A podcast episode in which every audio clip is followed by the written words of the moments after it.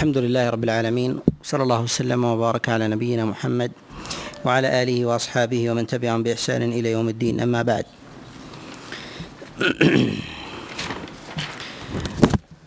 فهذا المجلس الرابع من الكلام على حديث عثمان في صفة وضوء رسول الله صلى الله عليه وسلم وهو في التاسع والعشرين من شهر ذي القعدة من العام السادس والثلاثين بعد الأربعمائة والألف.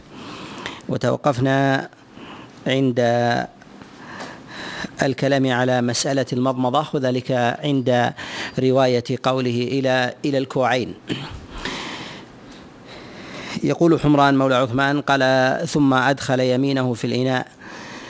يحكي صفة صفة وضوء عثمان عليه رضوان الله تعالى وفي هذا مسألة وهي مشروعية البداءة البداءة بالميامن. وذلك أنه استعمل يده اليمين في البدء في الوضوء وكذلك أيضا في تناول في تناول الماء. وفي هذا دليل على مشروعية أن يستعمل الإنسان يده بوضوئه أعني اليمنى وهذا هو سنة رسول الله صلى الله عليه وسلم. ويدل على ذلك ويؤكده ما جاء في الصحيحين أن النبي صلى الله عليه وسلم كان يعجبه التيمم في تنعله وترجله وطهوره ولباسه كله كما جاء في حديث عائشة عليها رضوان الله. فنقول إن استعمال اليمين في الوضوء هو سنة رسول الله صلى الله عليه وسلم وكذلك أيضا في البداءة بالأعضاء فإنه يبدأ بالعضو اليمين قبل العضو الشمال. وهذا لا خلاف عند العلماء في مشروعيته لا خلاف عند العلماء في مشروعيته. وقد دلت الأدلة في ذلك عن رسول الله صلى الله عليه وسلم في من حكى صفة وضوئه إما بالنص وإما بالقرينة. وقد جاء ذلك في صفة وضوء النبي من حديث عثمان ومن حديث علي بن أبي طالب ومن حديث عبد الله بن زيد. وجاء أيضا من حديث عبد الله بن عباس ومن حديث أبي هريرة وغيرها من الأحاديث التي التي جاءت في صفة وضوء رسول الله صلى الله عليه وسلم. في قوله في قول حمران مولى عثمان قال ثم أدخل يمينه في الإناء وجاء في رواية أنه في الوضوء وهذه الرواية أيضا في البخاري قد أخرجها البخاري في كتابه في كتابه الصحيح. قال فمضمض واستنشق فمضمض واستنشق. بعدما غسل كفيه ظهر في هذه الرواية أنه أخذ ماء جديدا ماء جديدا لوجهه وكذلك أيضا لمضمضته واستنشاقه وهذا مما لا خلاف فيه مما لا خلاف مما لا خلاف فيه. ولا يقال إن الإنسان يأخذ من بعض ما بقي من غسله ليديه من قطراتها ثم يقوم بالاستنشاق أو بالمضمضة. وذلك أنه ينافي الإسباغ وينافي الاستيفاء. وكذلك أيضا فإنه ربما حمل من بدنه من القدر فأدخله إلى فمه وأنفه. وهذا ينافي المقصد من التطهر. ولهذا أدخل يده في الإناء فأخذ ماء فتمضمض به فتمضمض به واستنشق. قال فمضمض واستنشق. المضمضة والاستنشاق يشرع فيهما المبالغة وقد جاء ذلك عن رسول الله صلى الله عليه وسلم كما جاء عند الإمام أحمد وكذلك أيضا في السنن من حديث عاصم بن لقيط بن صبره عن أبيه أن رسول الله صلى الله عليه وسلم قال أسبغ الوضوء وبالغ في المضمضة والاستنشاق إلا أن تكون إلا أن تكون صائما فاستثنى النبي صلى الله عليه وسلم الصائم فيدل ذلك على مشروعية المبالغة بالمضمضة والاستنشاق. والمراد بالمبالغة في المضمضة هو أن يأخذ الإنسان قدرا كافيا بكفه لفمه ويدير الماء في فمه من جميع جهاته عن يمين وشمال وأعلاه وأسفله ثم يقوم بمجه.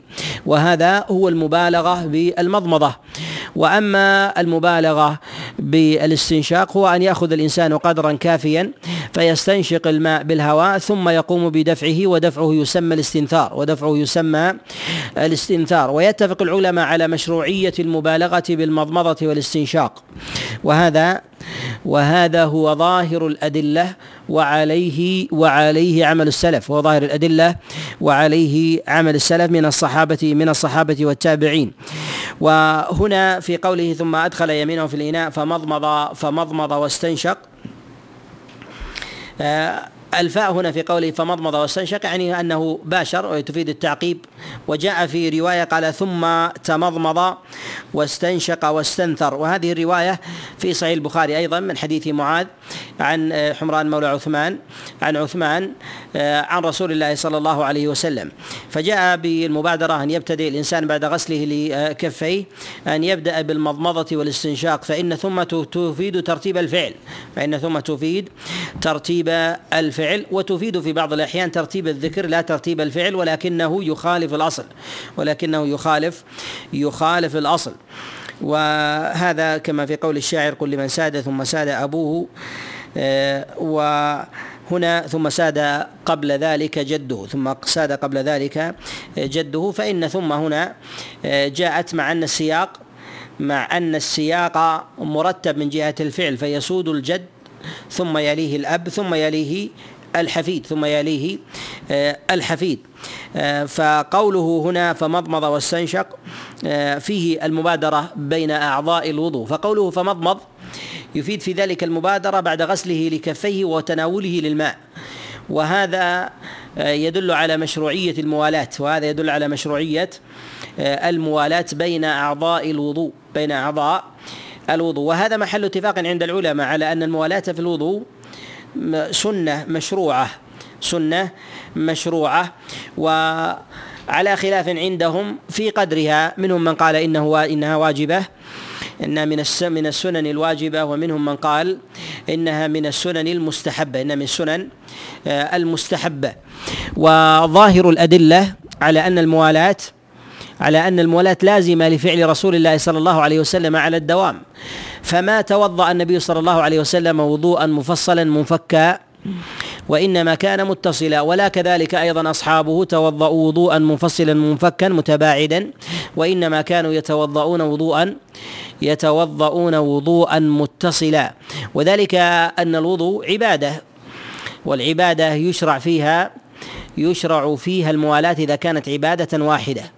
فالوضوء عبادة واحدة باتفاق العلماء فيشرع أن تكون متوالية من أولها إلى آخرها ولا يفصل بينها فاصل إلا ما كان لحاجة مما أذن به الشارع وما تخللها من الأمور المباحة مما لا يدل الدليل على بطلانها ونقضها فإن ذلك فإن ذلك جائز وذلك من الكلام وكذلك الحركة والأكل وغير ذلك فإن هذا فإن هذا ليس بمناف للوضوء فإذا تخلل الوضوء فإنه لا يقال لا يقال بكراهته ولا يقال كذلك أيضا ولا فضلا أن يقال ببطلان ونقض ونقض الوضوء. إذا قلنا بأن هذه الأدلة قد دلت على مشروعية الموالاة يبقى مسألة وهي مسألة إذا فرق الإنسان بين أعضاء وضوئه وذلك في سبيل الحاجة أن الإنسان ربما يكون مضطرا كأن يتوضأ من ماء فنفد ماؤه. أن يكون أن يكون متوضئا بماء فنفد ماؤه فاحتاج إلى إلى البحث عن ماء فوجده عن قريب فذهب مذهبا يسيرا فذهب مذهبا يسيرا فتوضأ كالذي يتوضأ في سوقه ثم يذهب يكمل وضوءه في مسجد حيه. فإذا كان كذلك فهل له أن يستأنف وضوءه؟ يستأنف الوضوء أم له في ذلك أم له في ذلك أن يكمل أن يكمل الوضوء؟ منهم من قال بالإعادة منهم من قال بإعادة الوضوء ومنهم من قال بجواز إكماله من قال بجواز بجواز إكماله.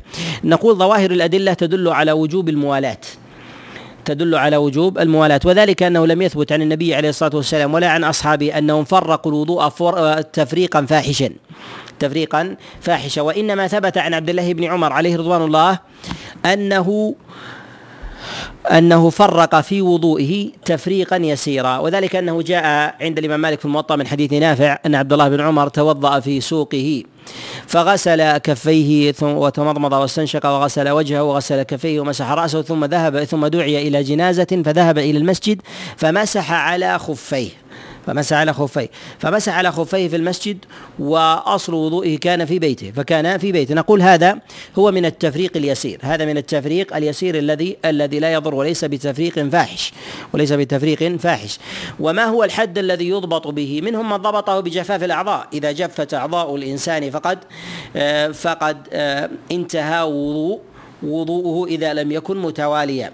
وهذا التحديد فيه نظر. وهذا التحديد فيه نظر وإنما قلنا بأن هذا التحديد فيه نظر وذلك لاختلاف أحوال الناس وكذلك أيضا بيئاتهم. فإن حال الناس في زمن الصيف يختلف عن زمن الشتاء وحال البلدان تختلف. فما يجف صيفا ربما يحتاج إلى أضعاف ذلك الوقت لأن يجف في في الشتاء. فلا يقال أن الوضوء إذا جف من عضو. ليس للإنسان أن يكمل العضو الذي يليه حتى يكون الذي قد سبقه قد سبقه رطبا. وهذا لم يكن واردا في كلام النبي عليه الصلاة والسلام ولا كلام أصحابه ولا أيضا في ظاهر في عرفهم وإنما نقول مرد ذلك لا إلى جفاف الأعضاء وإنما إلى العرف. وإنما إلى إلى العرف. فإذا كان في عرفهم فإن إذا كان في آه، في عرفهم آه، ذلك متباعد كالذي يتوضأ في داره ثم يكمل وضوءه في مسجد غير حيه. مسجد الحي قريب. فإذا قيل مسجد الحي هو الذي يشهد به الإنسان الصلوات الخمس يشهد به الإنسان صلاة الخمس وتجب عليه فيها. فإذا أكمل وضوءه في مسجد حيه جاز منه ذلك. وإذا كان في غير مسجد حيه فإن العادة في ذلك البعد. ويخرج من ذلك الاستثناء إذا كان الإنسان راكبا.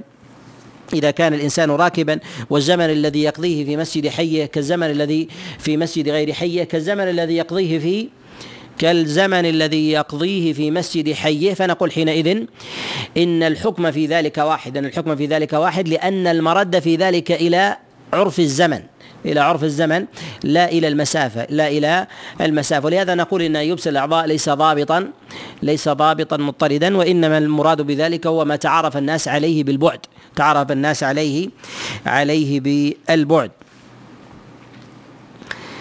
وهنا في قوله فمضمض واستنشق وفي الرواية الأخرى ثم تمضمض آه، واستنشق واستنثر. ذكر المضمضة والاستنشاق. يتفق العلماء من السلف على أن المضمضة سابقة للاستنشاق. على أن المضمضة سابقة للاستنشاق ويجوز أن يقدم وأن يؤخر بينهما لأن حكمهما في ظاهر الأدلة واحد. أن حكمهما في ظاهر الأدلة في ظاهر الأدلة واحد. ولكن يقدم المضمضة على الاستنشاق فإن الروايات التي جاءت في صفة وضوء رسول الله صلى الله عليه وسلم كحديث عثمان وعلي بن أبي طالب وعبد الله بن زيد وما جاء في غيرها من المرويات في ذلك في حديث عبد الله بن عباس وأبي هريرة تدل تدل على تقديم المضمضة على الاستنشاق. تدل على تقديم المضمضة على الاستنشاق. فإذا آه، أراد السنة فليقدم المضمضة على الاستنشاق وإذا اختل الترتيب في ذلك إذا اختل الترتيب في ذلك فاستنشق قبل أن يتمضمض فإنه خالف السنة ووضوءه صحيح ووضوءه ووضوءه صحيح ولا خلاف عند السلف في ذلك ولا خلاف عند عند السلف في ذلك. وهنا في مسألة الاختلال في بين المضمضة والاستنشاق. هذا يرجعنا إلى أصل وهو مسألة الترتيب بين الأعضاء. الترتيب بين بين الأعضاء وقد أشرنا إليها على سبيل الإجمال. أشرنا إليها على سبيل الإجمال. وقبل الخوض في مسائل الترتيب في بقية الأعضاء وكذلك أيضا فيما يتعلق في الترتيب بين المضمضة والاستنشاق فيما بينها وتقديمها على الوجه وتأخير وتأخيرها على على الوجه. نقول إن ترتيب الأعضاء لا خلاف عند العلماء أنه مشروع على ما رتب الله عز وجل الأعضاء في في آية المائدة. وأن ذلك هو المشروع ولا خلاف عندهم وإنما الخلاف عندهم في وجوبه وإنما الخلاف عندهم في وجوبه. والأظهر والله أعلم الوجوب والأظهر والله أعلم هو وجوب ترتيب الأعضاء. وجوب ترتيب ترتيب الأعضاء أنه يجب على المتوضئ أن يرتب أعضاء وضوئه على ما ذكرها الله عز وجل في كتابه. وذلك لجملة من الأدلة والقرائن التي قد احتفت بذلك.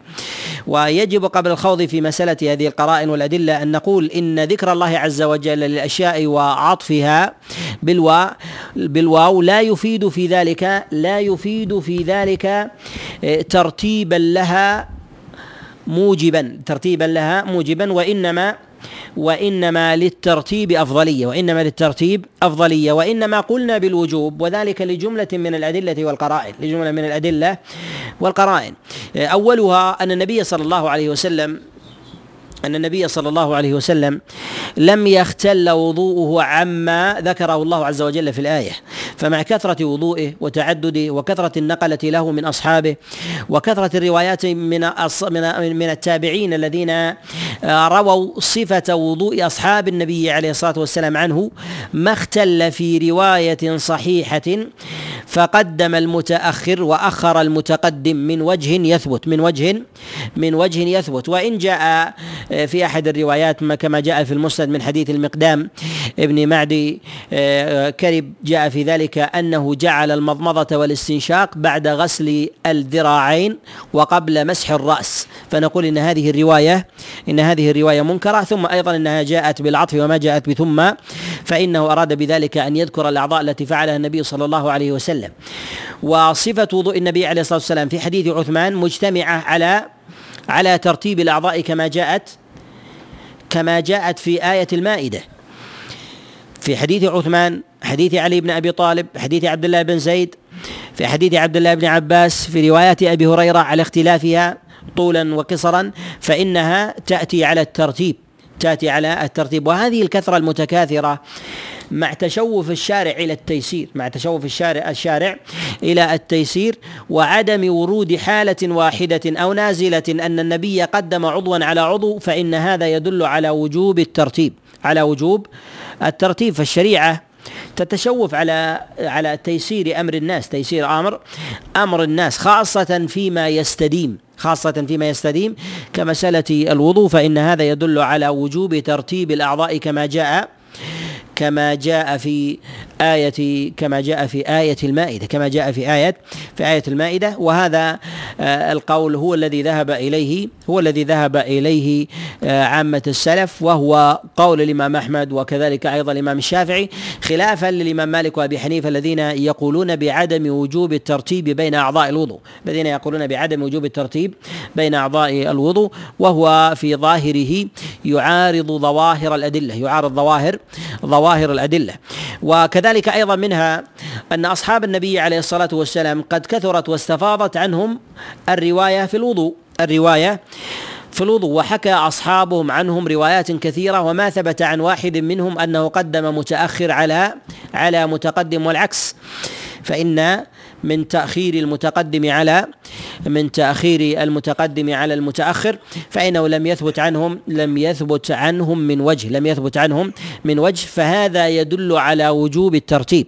وكذلك أيضا من القرائن في هذا أن الله عز وجل ذكر في آه، في آية الوضوء ذكر مغسولا وممسوحا ذكر مغسولا وممسوحا وخلل الممسوحة بين أعضاء بين الأعضاء المغسولة. وهذا وهذا يدل على قصد الترتيب. والتناسق إذا لم يكن مقصودا الترتيب أن ما اشترك في الحكم والصفة أنه يقدم على يقدم على غيره فيأتي الممسوح بعد المغسولات. فلما أدخل عمدا في اثنائها على اختلاف على اختلاف صورته وصفته دل على أن المقصود ب أن المقصود في الآية الترتيب. ويعضد ذلك ويؤكده أن النبي صلى الله عليه وسلم يستدل بتقديم أمر الله بتقديم الله عز وجل لذكر بعض الأشياء على بعض بأحقيتها بالتقديم. كما ابتدأ النبي صلى الله عليه وسلم في سعيه بالصفا فقال النبي صلى الله عليه وسلم أبدأ بما بدأ الله به وذلك يعني قول الله جل وعلا إن الصفا والمروة من شعائر الله. فبدأ النبي صلى الله عليه وسلم بالصفا قبل المروة وهذا يدل على وهذا يدل على الترتيب وهذا يدل على آه، الترتيب. وثمة مسألة وهي ما يتعلق بالمضمضة والاستنشاق. في الخوض في مسألة الترتيب. وقبل الخوض في الترتيب لابد أن نتكلم على مسألة وهي مسألة حكم المضمضة والاستنشاق من جهة وجوبها من عدمه وجوبها من عدمه. فإن الكلام على الترتيب بينها والترتيب على الأعضاء قبلها وبعدها هو فرع عن ذلك. فإذا قلنا آه، فإذا قلنا بالقول الذي يقول بعدم وجوب المضمضة والاستنشاق فإنه لا ضير على الإنسان أن يقدم وأن يؤخر أن يقدم وأن وأن يؤخر فيها باعتبار أنه يجوز له أن يدعها بالكلية أن يدعها بالكلية. فالإتيان بها في غير موضعها يكون من باب أولى يكون من باب من باب أولى من جهة الجواز. نقول قد اختلف العلماء في المضمضة والاستنشاق في وجوبها هل هي واجبة أو مستحبة؟ هل هي واجبة؟ أو مستحبة. ذهب جمهور العلماء إلى أن المضمضة والاستنشاق في الوضوء سنة وليست بواجبة وليست بواجبة. وهذا قول الإمام مالك والشافعي وأبي حنيفة آه، عليهم رحمة الله إلى أن المضمضة والاستنشاق في الوضوء سنة وليس وليس بواجبين وليس بواجبين. وذهب الإمام أحمد رحمه الله إلى وجوب المضمضة والاستنشاق إلى وجوب المضمضة والاستنشاق. واستدل بفعل النبي صلى الله عليه وسلم وكذلك استدل لمن قبل القول بالوجوب وذلك بما جاء في حديث عاصم بن لقيط بن صبرة كما جاء في المسند وعند أبي داود وغيره أن النبي صلى الله عليه وسلم قال إذا توضأت فمضمض إذا توضأت فمضمض. قال فأمر النبي صلى الله عليه وسلم بالمضمضة. فأمر النبي عليه الصلاة والسلام بالمضمضة. نقول إن هذه الزيادة في حديث لقيط وهي الأمر بالمضمضة غير محفوظة. وهي زيادة وهي زيادة شاذة وهي زيادة شاذة. وعامة الرواة من الثقات لا يذكرونها لا يذكرون هذه آه هذه الرواية. وإنما غاية الحديث هو الحث والحظ على على آه على المبالغة بالمضمضه والاستنشاق. المبالغة بالمضمضه والاستنشاق.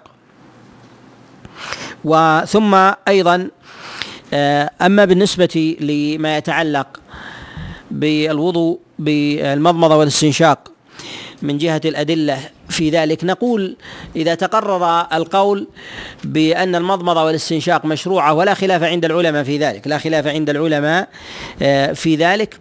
والقول المترجح في هذا أنها سنة وليست بواجبة أنها سنة وليست وليست بواجبة.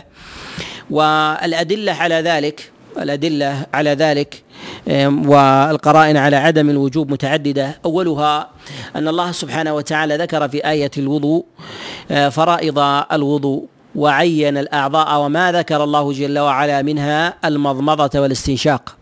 ما ذكر الله عز وجل منها المضمضة والاستنشاق.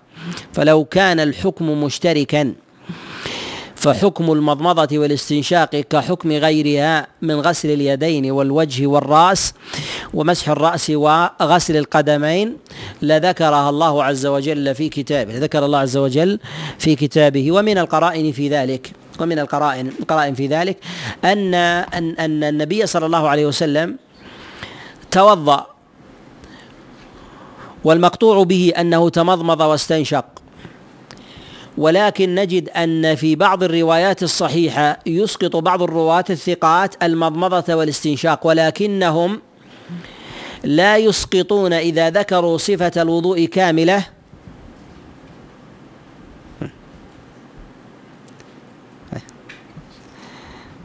نعم لكنهم لا يسقطون عضوا من الأعضاء لا يسقطون عضوا من الأعضاء وإسقاطهم المضمضة والاستنشاق قرينة على ماذا؟ قرينة على اختلاف الحكم بين المضمضة والاستنشاق وبقية الأعضاء.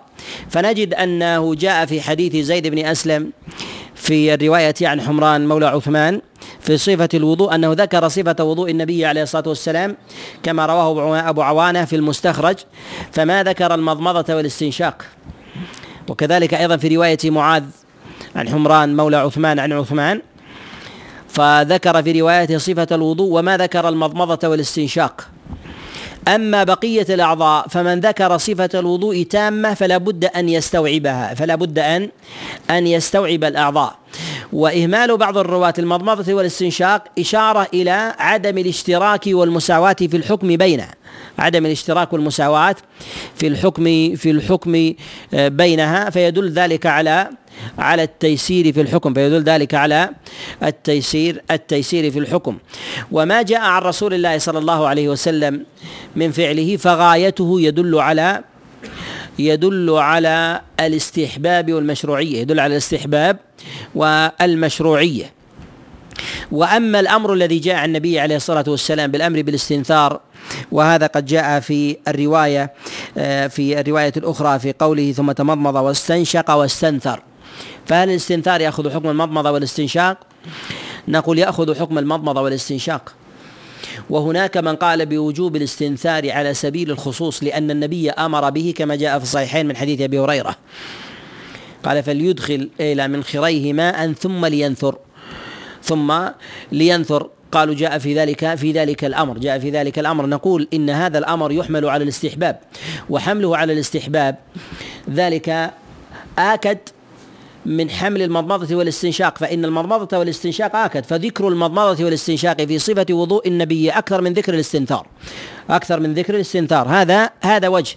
ثم أيضا إن تخصيص النبي الاستثار بالأمر هو حث على ما يغلب على الناس تركه على ما يغلب على الناس تركه. فيرد النص في ذلك على التأكيد بما يفهم منه الوجوب بما يفهم منه الوجوب. والأصل في ذلك والأصل في ذلك أنه يحمل الأدنى على حكم يساوي الأعلى أو ما دونه مما يرد في النصوص.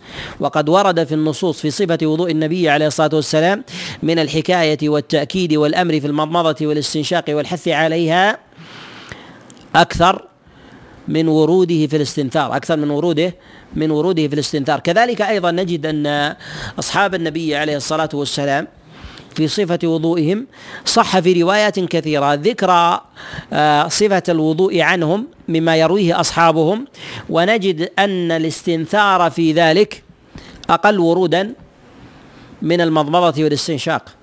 من المضمضة والاستنشاق.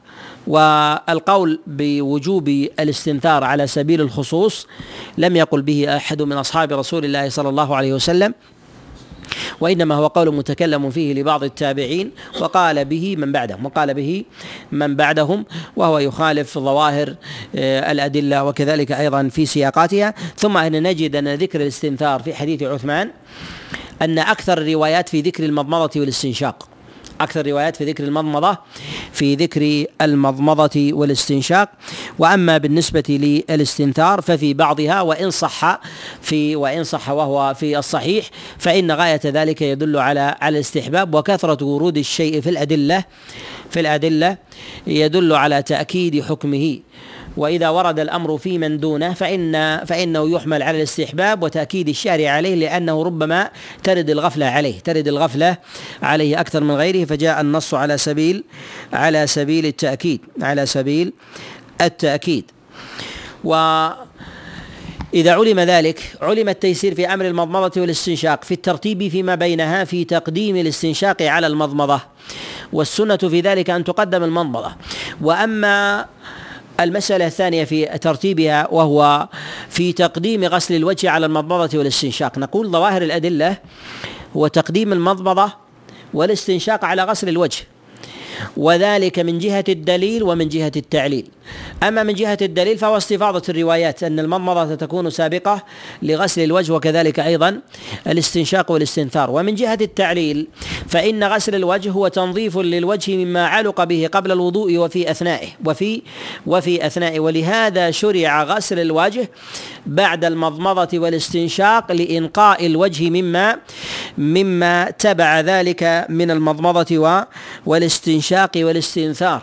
وهذا وهذه علة كافية ولو لم يرد في ذلك في ذلك نص صريح لأن الشريعة تتشوف إلى الإنقاء تتشوف إلى تتشوف إلى الإنقاء والتطهر وهو يتحقق هنا مع ظهور الدليل وكذلك أيضا مع ظهور مع ظهور التعليل.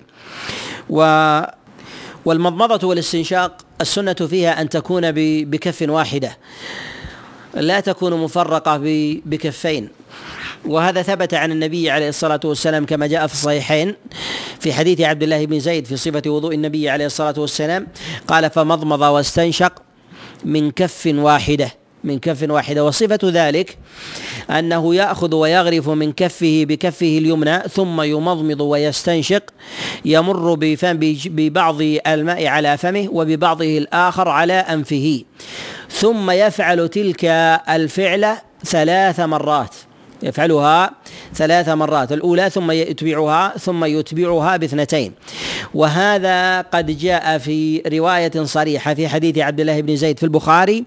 قال توضأ تمضمض واستنشق من كف واحدة بثلاث غرفات بثلاث بثلاث غرفات. وهذه صريحة وفي ذلك رد على من يقول من بعض الفقهاء أنه يأخذ من كف واحدة مرة واحدة يمر بالكف ثلاث مرار. وهذا من جهة النظر شاق. من جهة النظر شاق أن الكف الواحدة تأتي إلى ثلاث مضمضات وثلاث استنشاقات. هذا شاق وإن قال به بعض الفقهاء فهو بعيد بعيد من جهة النظر وهو مخالف لصريح الدليل في حديث عبد الله عبد الله بن زيد عليه رضوان الله تعالى. والمضمضة والاستنشاق تكون باليمين تكون باليمين وهذا ظاهر الدليل لأنه قال ثم أدخل يمينه في الإناء فمضمض واستنشق يعني بيمينه فمضمض واستنشق بيمينه. واستحباب المضمضة والاستنشاق ظاهر في الدليل وعليه عامة السلف وأما الاستنثار فهل يكون باليمين أو يكون بالشمال؟ أو يكون أو يكون بالشمال. نقول إن الاستنثار يكون بالشمال بخلاف المضمضة والاستنشاق فإنها باليمين. فإنها باليمين. وذلك ظاهر الدليل عن النبي عليه الصلاة والسلام في المضمضة والاستنشاق في هذا الحديث. وكذلك أيضا في حديث عائشة عليه رضوان الله في قولها يعجبه التيمم في تنعله وترجله وطهوره ومن الطهور المضمضة والاستنشاق. وأما بالنسبة للاستنثار فإنه يكون باليسرى يكون باليسرى. جاء ذلك بإسناد صحيح. قد أخرجه الإمام أحمد في كتابه المسند من حديث زائد بن قدامة عن خالد بن علقمة عن عبد خير عن علي بن أبي طالب في صفة وضوء النبي صلى الله عليه وسلم وذكر أنه استنثر بيده اليسرى. وذكر أنه استنثر بيده اليسرى. حديث علي بن أبي طالب قد رواه عن خالد. جماعة من الرواة الثقات كشعبة بن الحجاج وسفيان بن عيينة وشريك يروون هذا الحديث عن خالد عن عبد خير عن علي بن أبي طالب ولا يذكرون اليمين ولا اليسار في الاستنثار. وتفرد بذكرها زائدة بن قدامة. وهل تفرده في ذلك مما يحمل؟ وهل عدم ذكر شعبة وابن عيينة لذلك يدل على يدل على شذوذ هذه الرواية أم أنها زيادة ثقة؟ نقول يدل عليها الأصول يدل عليها الأصل. فربما جاء في رواية شعبة وابن عيينة ذلك على سبيل الاختصار جاء ذلك على سبيل على سبيل الاختصار. وكذلك أيضا فإن الأصول قد دلت عليها. الأصول قد دلت عليها. وذلك أن الاستنثار فيه من الاستقذار ما ليس في المضمضة والاستنشاق فإنها تطهر كغسل سائر الأعضاء. أما الاستنثار فإن فإنه يغلب عليه الأذى. وقد جاء في حديث عائشة عند الإمام أحمد وعند أبي داود أن النبي صلى الله عليه وسلم كانت يمينه كانت آه، يمينه لطهوره ويساره لما كان من أذى. ويساره لمن كان من أذى. وهذا فيه التفريق بين ما يتعلق بالطهور وما يتعلق بالأذى مما يكون في وضوء الإنسان وفي غيره. ما يكون في وضوء الإنسان وفي غيره. وهل يكون ذلك في بعض أعضاء الوضوء؟ نقول نعم. قد يكون ذلك في بعض أعضاء الوضوء. يستعمل الإنسان اليسار ولا يستعمل اليمين. وكيف يكون ذلك؟ ربما تكون بعض الأعضاء متلطخة بقدر. كقدم الإنسان مثلا تلطخت عند غسلها بقدر فهل له أن يقوم بغسلها بيمينه أم أو بيساره؟ نقول السنة بيساره وذلك عارض لا أصل وذلك عارض لا آه، لا أصل وهذا لحديث عائشة عليها عليها رضوان الله تعالى. وهنا في هذه الرواية في ذكر اليمين قال ثم أدخل يمينه في الماء ثم ذكر المضمضة والاستنشاق وبقية وبقية آه، التطهر أنه يكون يكون باستعمال اليمين. آه، في إشارة على أن العضو الأيمن هو الذي يبتدئ بغسله يبتدئ بغسله. فالتيمم في استعمال الوضوء هذا محل اتفاق عند العلماء محل اتفاق عند عند العلماء. وإذا أراد الإنسان أن يبدأ باليسار قبل اليمين إذا أراد أن يبدأ باليسار قبل اليمين نقول لا حرج عليه في ذلك. صح ذلك عن عبد الله بن مسعود أنه سئل عن ذلك فقال لا بأس كما رواه الدار قطني في كتابه السنن وإسناده صحيح. وكذلك أيضا جاء عن علي بن أبي طالب عليه رضوان الله فيما يرويه قابوس عن أبيه عن علي بن أبي طالب وفيه وفيه كلام. ولم يخالف أحد من أصحاب رسول الله صلى الله عليه وسلم. وأما بالنسبة لاختلال الترتيب بين الأعضاء لا في العضو الواحد على ما تقدم فإنه لم يثبت عن النبي عليه الصلاة والسلام ولم يثبت عن أحد من أصحاب رسول الله صلى الله عليه وسلم. وأما ما جاء عن بعض أصحاب النبي في في جواز إخلال الترتيب أن يقدم المتوضئ عضوا متأخر على متقدم فهذا جاء عن علي بن أبي طالب وجاء عن عبد الله بن مسعود ولا يصح عنهما ولا يصح عنهما جاء عنهما في جواز إخلال الترتيب. وحمل الإمام أحمد رحمه الله الرواية في ذلك عنهما لو صحت على الترتيب في العضو الواحد وذلك كتقديم اليسرى على اليمنى من اليدين. ومن القدمين فذلك جائز. وأما الأعضاء المختلفة فإن ذلك فإن ذلك لا يثبت عن أحد من أصحاب رسول الله صلى الله عليه وسلم. أما ما جاء في حديث المقدام فهذا قد أخرجه الإمام أحمد وذكر فيه ذكر فيه المضمضة بعد غسل اليدين وقبل مسح الرأس. فجعلها فجعلهما بين هذين العضوين. فهل ذلك وظاهر إسناده الصحة نقول الجواب عن هذا الحديث ولو أن هذا الحديث أن هذا الحديث ذكر الوضوء في ذلك بالعطف وما ذكره بثم. وهذا يدل على أنه أراد ذكر الأعضاء التي فعلها رسول الله صلى الله عليه وسلم.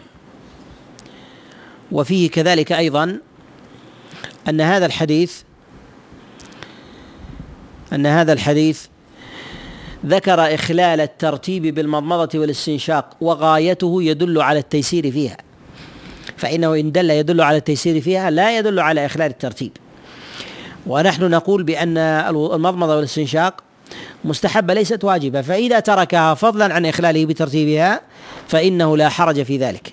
بل إنه يدل على هذا الأصل فنقول إنه قد فهم رواة الحديث الذين نقلوا هذا الحديث أن المضمضة والاستنشاق أمرها يسير. ولهذا أخروا ولم يثبت في صفة وضوء النبي عليه الصلاة والسلام تقديم فرض من فرائض الوضوء على على غيره مما ذكره الله عز وجل في الآية. ما ذكره الله عز وجل في الآية. وأما ما لم يرد في الآية المضمضة والاستنشاق والاستنثار وغير ذلك فما فهو أمر فهو أمر سهل. والمضمضة والاستنشاق على ما تقدم تكون بكف واحدة. وأما ما جاء بالفصل بين المضمضه والاستنشاق فجاء في ذلك خبر ضعيف. قد تفرد به ليث بن سليم عن طلحة بن مصرف عن أبيه عن جده أن النبي صلى الله عليه وسلم كان يفصل بين المضمضه والاستنشاق. فذلك خبر ضعيف من جهة الإسناد ومنكر من جهة المتن لمخالفته للثابت عن رسول الله صلى الله عليه وسلم. وكذلك أيضا فإن المضمضه والاستنشاق تكون ثلاثا وكذلك أيضا الاستنثار. أما المضمضة والاستنشاق والتثليث فيها فهو ثابت في حديث عثمان وعلي بن أبي طالب وعبد الله بن زيد. والاستنثار هو ثابت كذلك في حديث عثمان وثابت كذلك أيضا في حديث أبي هريرة وهو في الصحيحين على ما تقدم. قال فليدخل في منخريه ماء ثم ثم لينثر. وجاء في بعض الروايات ثلاثا. وهذا وهذا يدل على يدل على التثليث في الاستنثار. وهذه الرواية في رواية آه، قال فتمضمض ثلاثا واستنثر واستنثر ثلاثا نقول يغني عنها ما جاء ما تقدم في الصحيح من التثليث. وأما هذه الرواية فقد جاءت عند أبي داود وهي من رواية ابن أبي مليكة آه، عن عثمان عن عثمان بن عفان. وقوله هنا ثم غسل وجهه ثلاثا. وقوله هنا ثم غسل وجهه وجهه ثلاثا. ثم تفيد الترتيب أي أن غسل الوجه يكون بعد غسل بعد المضمضة والاستنشاق. وهذا هو السنة المطردة عن النبي عليه الصلاة والسلام وكذلك أيضا وكذلك أيضا عن أصحابه. والغسل في ذلك يكون بماء جديد فلا يغسل وجهه بالغرفة التي يأخذها لمضمضته واستنشاقه. فإن ذلك هو أنقى وأتبع للسنة وأتبع وأتبع للسنة. ويتفق العلماء على أن غسل غسل الوجه فرض من فرائض الوضوء وأن الإنسان إذا تركه بطل وضوءه ولا خلاف عندهم في ذلك. والوجه إنما سمي وجها لأن الإنسان يواجه به غيره وحد الوجه بالنسبة للأمرد يكون من ناصيته من منابت شعر الإنسان السوي إلى ذقنه إلى إلى ذقنه هذا من جهة أعلاه وأسفله. وأما من جهة جهتيه فيكون من أذنيه فيكون من ما بين أذنيه ما بين أذنيه ومنابت شعر رأسه إذا كان سويا إلى ذقنه فذلك الوجه فذلك الوجه. فإذا كان أمردا وجب عليه أن يغسله وهذا الحكم يكون للأمرد والمرأة. وإذا كان أشعر فيقول فنقول حينئذ بأنه يغسل ما بدا ما بدا منه.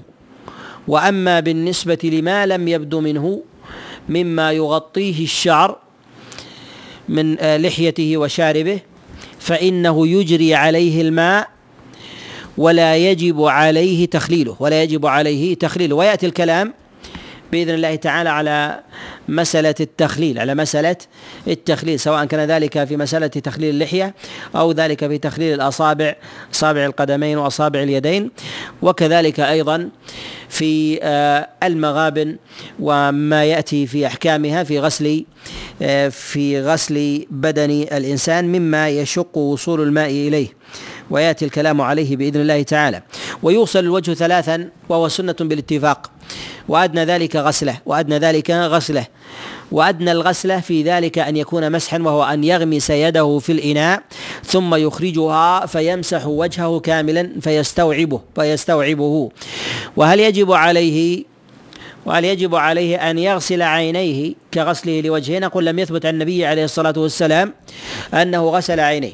وغاية في ذلك وغاية ما جاء في ذلك عن عبد الله بن عمر عليه رضوان الله أنه كان يغسل عينيه إذا توضأ. جاء ذلك من حديث نافع عن عبد الله بن عمر.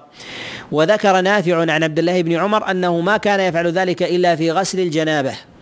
يعني في الوضوء إذا كان يتوضأ وهو جنب إذا كان يتوضأ وهو جنب وإذا كان مجنبا فأراد أن يغتسل. في وأراد أن يغتسل. وظاهر الرواية عن نافع أنه ما كان يتوضأ ما كان يغسل عينيه في وضوئه في وضوئه المعتاد من غير حدث أكبر من غير حدث حدث أكبر. ومن هذا نقرر أنه ليس من السنة أن يغسل الإنسان عينيه أن يغسل الإنسان عينيه والمراد بغسل عينيه هو باطن عينيه.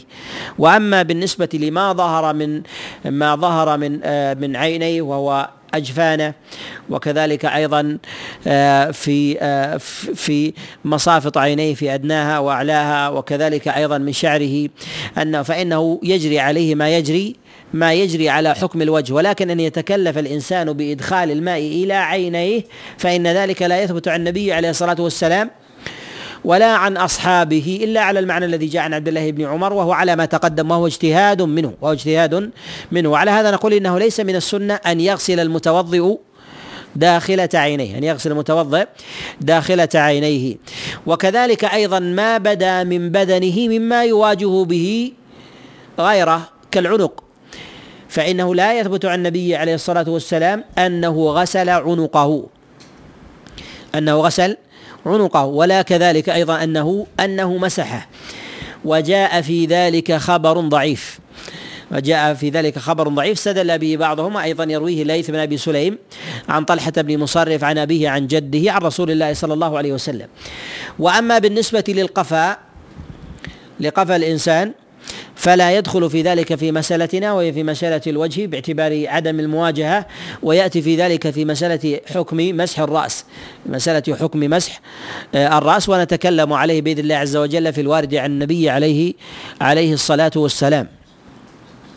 وتقدم معنا الإشارة إلى غسل إلى أن غسل الوجه يكون بماء بماء آه، قليل وأن السلف كانوا يكرهون أن يلطم الإنسان وجهه بكفيه أن يلطم الإنسان وجهه بكفيه. كما حكاه إبراهيم النخعي أنه قال كانوا يكرهون أن يلطموا وجوههم بالماء. وهذا إشارة إلى الاقتصاد. إشارة إلى الاقتصاد وعدم الإكثار بالماء وذلك باعتبار أن اللطم في ذلك يتضمن إسرافا. وإذا ملأ الإنسان كفيه ولطم وجهه بالماء فإن ذلك يعني أنه غسل وجهه بالقدر الذي يتوضأ به النبي عليه الصلاة والسلام وهو المد. وقد توضأ النبي عليه الصلاة والسلام بمد وتوضأ عليه الصلاة والسلام بثلثي مد. وهذا القدر يدل على أنه يضع بكفيه قدرا من الماء لا يمكن معه اللطم. لا يمكن معه اللطم وفي ذلك إشارة إلى وفي ذلك إشارة إلى الاقتصاد. والسنة في ذلك أيضا أن يغسل وجهه بكفيه. أن يغسل وجهه يغسل وجهه بكفيه. وهذا الذي عليه العمل وهذا الذي عليه العمل عمل الصحابة وكذلك أيضا التابعين. فلا يتكلف الإنسان أن يغرف بيده اليمنى ماء ثم يغسل وجهه من جميع نواحيه من جميع نواحيه بكفه اليمنى ويتحاشى اليسرى. ويتحاشى اليسرى. والعلة في ذلك والعلة في ذلك في استحباب الكفين أنه أسبغ. وأقرب إلى ظاهر العمل وأقرب إلى ظاهر إلى ظاهر العمل. فإن عمل السلف من الصحابة والتابعين ظاهره على استعمال الكفين بغسل الماء بغسل بغسل الماء. ولو استعمل يدا واحدة صح منه ذلك. كأن يقوم الإنسان مثلا بالصب على اليسرى على اليمنى ثم يقوم بغسل بغسل وجهه نقول يصح منه ذلك. وإذا أسبغ أيضا فإنه فإنه يأتي بالكمال. وإنما قلنا بأنه يستعمل يديه باعتبار الإنقاء باعتبار الإنقاء والإسباغ الذي حث عليه رسول الله صلى الله عليه وسلم. نتوقف عند هذا القدر. وأما ما يتعلق بمسألة المرافق ومسح الرأس فنرجئها بإذن الله عز وجل إلى مجلس لاحق. وصلى الله وسلم وبارك على نبينا محمد وعلى آله وأصحابه ومن تبعهم بإحسان إلى يوم الدين.